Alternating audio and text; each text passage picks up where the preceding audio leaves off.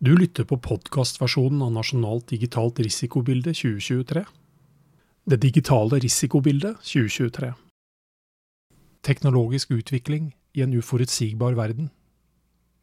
Krig i Europa skaper usikkerhet og gjør fremtiden vanskelig å forutse. Usikkerheten forsterkes ytterligere av en teknologisk utvikling med stadig hurtigere tempo og utbredelse. Kunstig intelligens utfordrer vår evne til å se forskjell på ekte og falskt på sant og usant.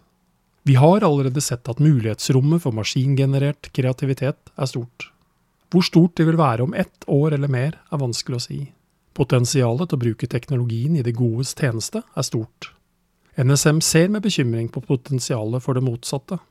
Alt som kan brukes, vil misbrukes. Flere av grunnleggerne av kunstig intelligens-teknologi har advart mot retningen utviklingen går i. Samtidig er det parallelt med utviklingen av kunstig intelligens et globalt kappløp om kvanteteknologi. Kvanteteknologien utfordrer også vår evne til å forstå tenkelig utvikling. Kvantedatamaskiners overlegenhet kan i verste fall føre til at alle koder knekkes, at all beskyttelse av informasjon opphører. Noen har kalt dette kvanteapokalypsen. Vi skal i denne rapporten belyse noen utviklingstrekk og bekymringer rundt både kunstig intelligens og kvanteteknologi. Kontroll over den teknologiske utviklingen er blant arenaene for konflikt mellom stormakter. Tilspissingen av sikkerhetspolitikken og teknologikappløpet skjer samtidig med at Norges geopolitiske viktighet øker.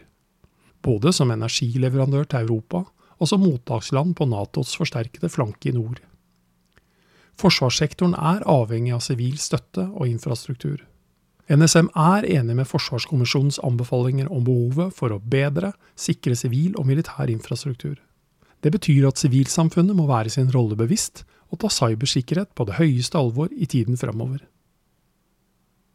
Vi ser dessverre at gapet mellom trusselaktørenes kapabiliteter og det forebyggende sikkerhetsarbeidet øker. Det haster å ta i bruk ny teknologi, som kunstig intelligens, i forsvaret av nettverkene våre. For vi vet at trusselaktørene vil bruke teknologien med andre hensikter så raskt de kan. Selv om NSM så langt ikke har sett kunstig intelligens bli brukt i cyber- eller påvirkningsoperasjoner mot Norge, er det trolig bare et spørsmål om tid. NSM påpekte i Sikkerhetsfaglig råd at vi som demokratiske land nå står i fare for å bli fraløpt i teknologikappløpet. Noen sentrale utfordringer som NSM peker på, er Statlig styring ivaretar verken koordinering eller behov for samvirke i tilstrekkelig grad.